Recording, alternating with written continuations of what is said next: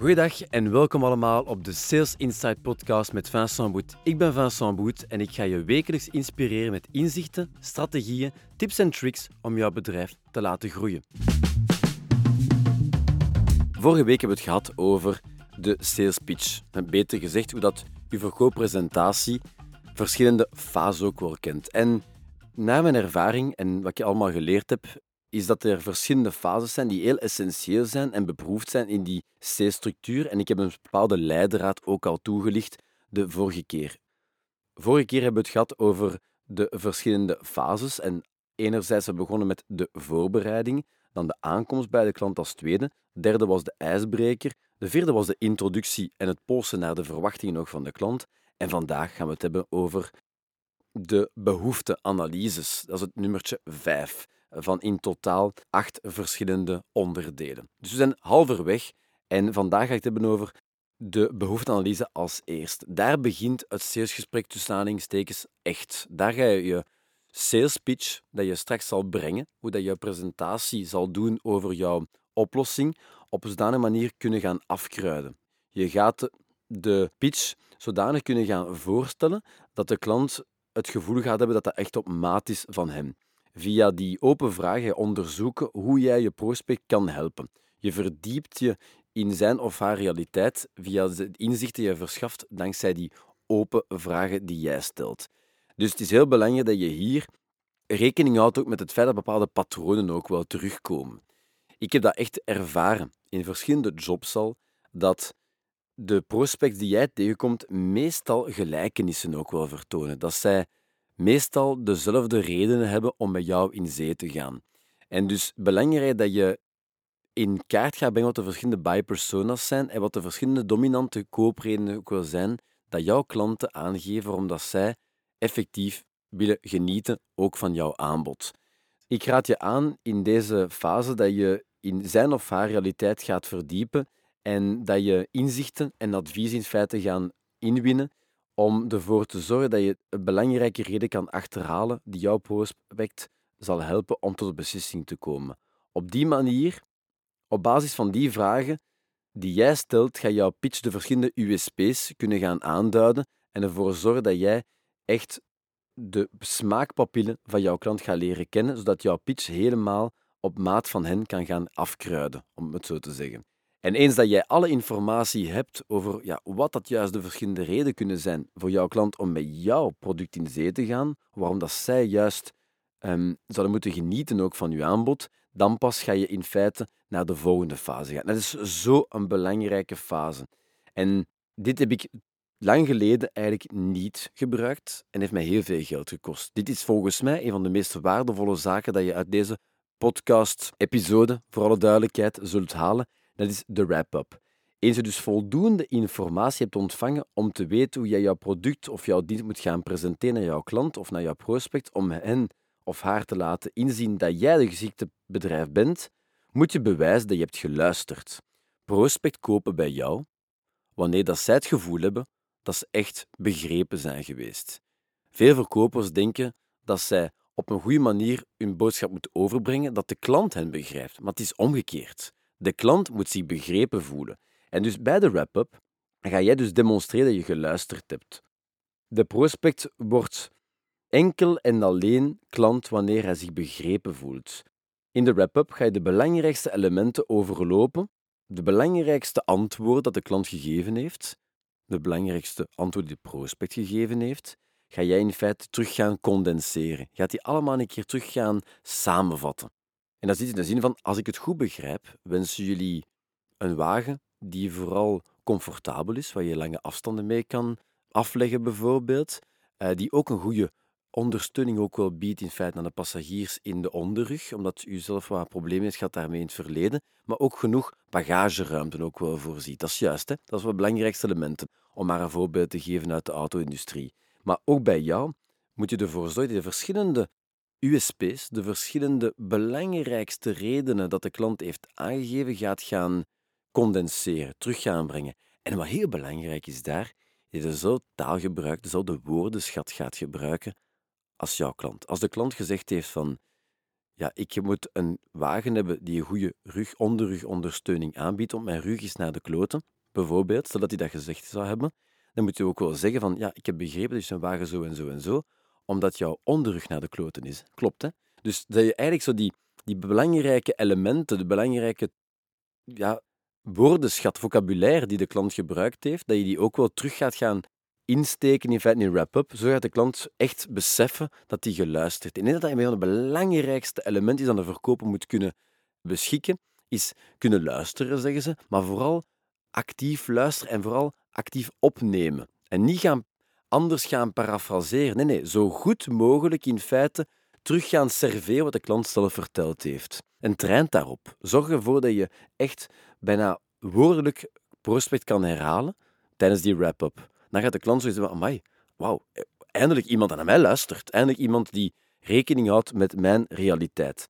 En dat is zo een belangrijk element. En dat ik zelf ja, te weinig gebruikt in het verleden, maar nu absoluut u wil warm maken om dit ook wel te gaan gebruiken. Dus je hebt je behoefteanalyse, je hebt de juiste vragen gesteld en dan ga je demonstreren dat je geluisterd hebt dankzij het terugserveren, presenteren, zeg maar, van datgene dat de klant u allemaal verteld heeft. Zo bewijs jij dat je echt geluisterd hebt.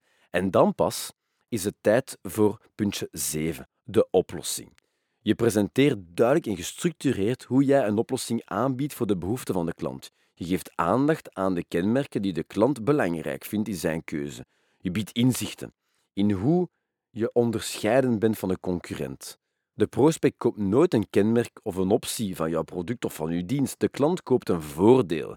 Duid dus op de voordeel jouw aanbod biedt voor de prospect. Inspelen op de uitkomst en de veranderingen die dit teweeg brengt voor de situatie van de klant, motiveert de prospect om in actie te komen. Anders is het, ja, oké, interessant, maar uh, ik zal erover nadenken. Door het feit dat jij daar inspeelt op de uitkomst, wat dat nu kan veranderen in de realiteit, of nu kan veranderen in de toekomst, in de toekomstige realiteit van jouw klant, zorgt ervoor dat je hen gaat motiveren om vandaag in de actie te schieten. Om van belangstelling naar effectief interesse te kunnen groeien. En pas wanneer dat ze echt interesse hebben, dat ze eigenlijk ja, de, niet de sense of urgency hebben ontwaakt, dat ze een soort dringendheid ook is, zal de klant overgaan in feite naar een aankoop.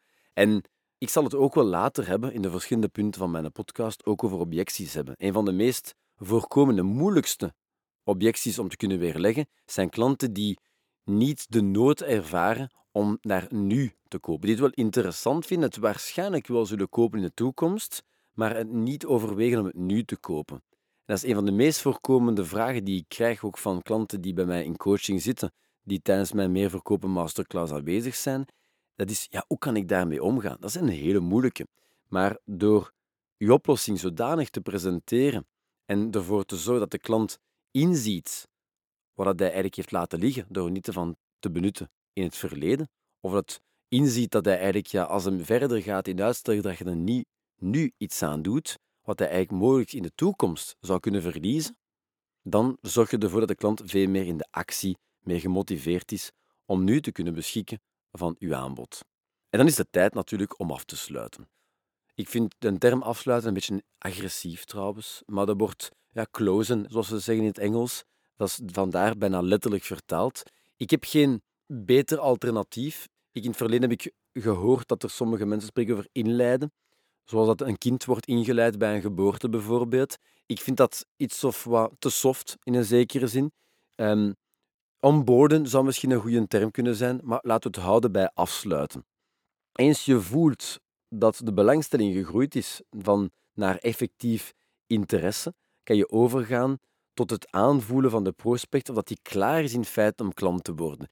Ik noem dat een soort pre-close. Dat je eigenlijk kan gaan aanvoelen van oké, is de klant nu bereid om in te gaan op mijn aanbod? Heeft hij, als je kijkt naar de balans, ziet hij meer meerwaarde aan uw aanbod dan dat hij pijn ervaart van de centen te moeten afgeven in feite om te kunnen genieten. Als er daar in een evenwicht zit, dan zit je met een probleem. Dan heb je nog niet goed genoeg je werk gedaan. Als jij ziet dat de waarde beter doorweegt dan ja, het gevoel van verlies dat ze ervaren door afscheid te moeten nemen van de centen, dat ze moeten spenderen om te genieten van uw aanbod, ja, dan ga je effectief kunnen overgaan tot een transactie. Je moet dus peilen, eenvoudig gezegd, naar de rijpheid van jouw prospect. En dan maak je het aangenaam en soepel en simpel ook om klant te worden. Ik merk veel te vaak bij verkopers dat zij in deze fase ook nerveus worden. Dat zij loopt allemaal heel goed, maar op een moment gaan ze dan naar de closing, naar het afsluiten, en dan worden ze wat nerveus. Ze beginnen wat te, te, te froestelen en ze, zijn wat, ze beginnen wat een andere ademhaling te hebben, et cetera. Ze beginnen nerveus te worden. En dat valt op. En wat heel nefast is ook daarin, is dat de klant dat ook wel ziet. Uiteraard ziet de klant dat. De klant ziet een bepaalde onzekerheid, zeg maar. Maar de klant kan ook niet weten van waar die onzekerheid juist komt. Is dat onzekerheid omdat die persoon ja, niet zo gemakkelijk vindt om klanten in te leiden, wat de hoofdreden meestal is? Of is omdat die persoon gewoon niet zoveel resultaat heeft in het algemeen? Of misschien denkt de klant van, of de prospect van, uh, ja, maar misschien is die persoon gewoon globaal onzeker over het bedrijf, over dat ze dat effectief het juiste aanbod is, of dat zij wel inderdaad de betalingstermijn kunnen respecteren, of dat ze inderdaad ook de specifieke afwerking die ik gevraagd heb wel kunnen aanbieden, of dat inderdaad ook die levertermijn afgesproken is kan respecteren, of, of, of. De klant ziet onzekerheid. En laat onzekerheid nu datgene zijn wat je eigenlijk vooral niet wilt in een beslissingsproces van een klant. De klant wil zeker zijn dat jij de juiste keuze bent als verkoper. Het product ook uiteraard, of de dienst, maar ook het bedrijf. Alles moet op die verschillende niveaus samenkomen en dan moet een soort vaste zekerheid ook wel komen. Dan kan de klant gemakkelijk ook wel klant worden. Als jij onzekerheid uitstraalt, omdat je gewoon je gemak voelt in feite om af te sluiten, ja, dan ga je eigenlijk jezelf, je eigen sales, ook heb je alles perfect gedaan, echt gaan saboteren. Train daarop en maak het zo soepel mogelijk voor je prospect om klant te worden. Blijf jezelf en vooral niet nerveus worden, anders ga je echt compleet door de mand vallen.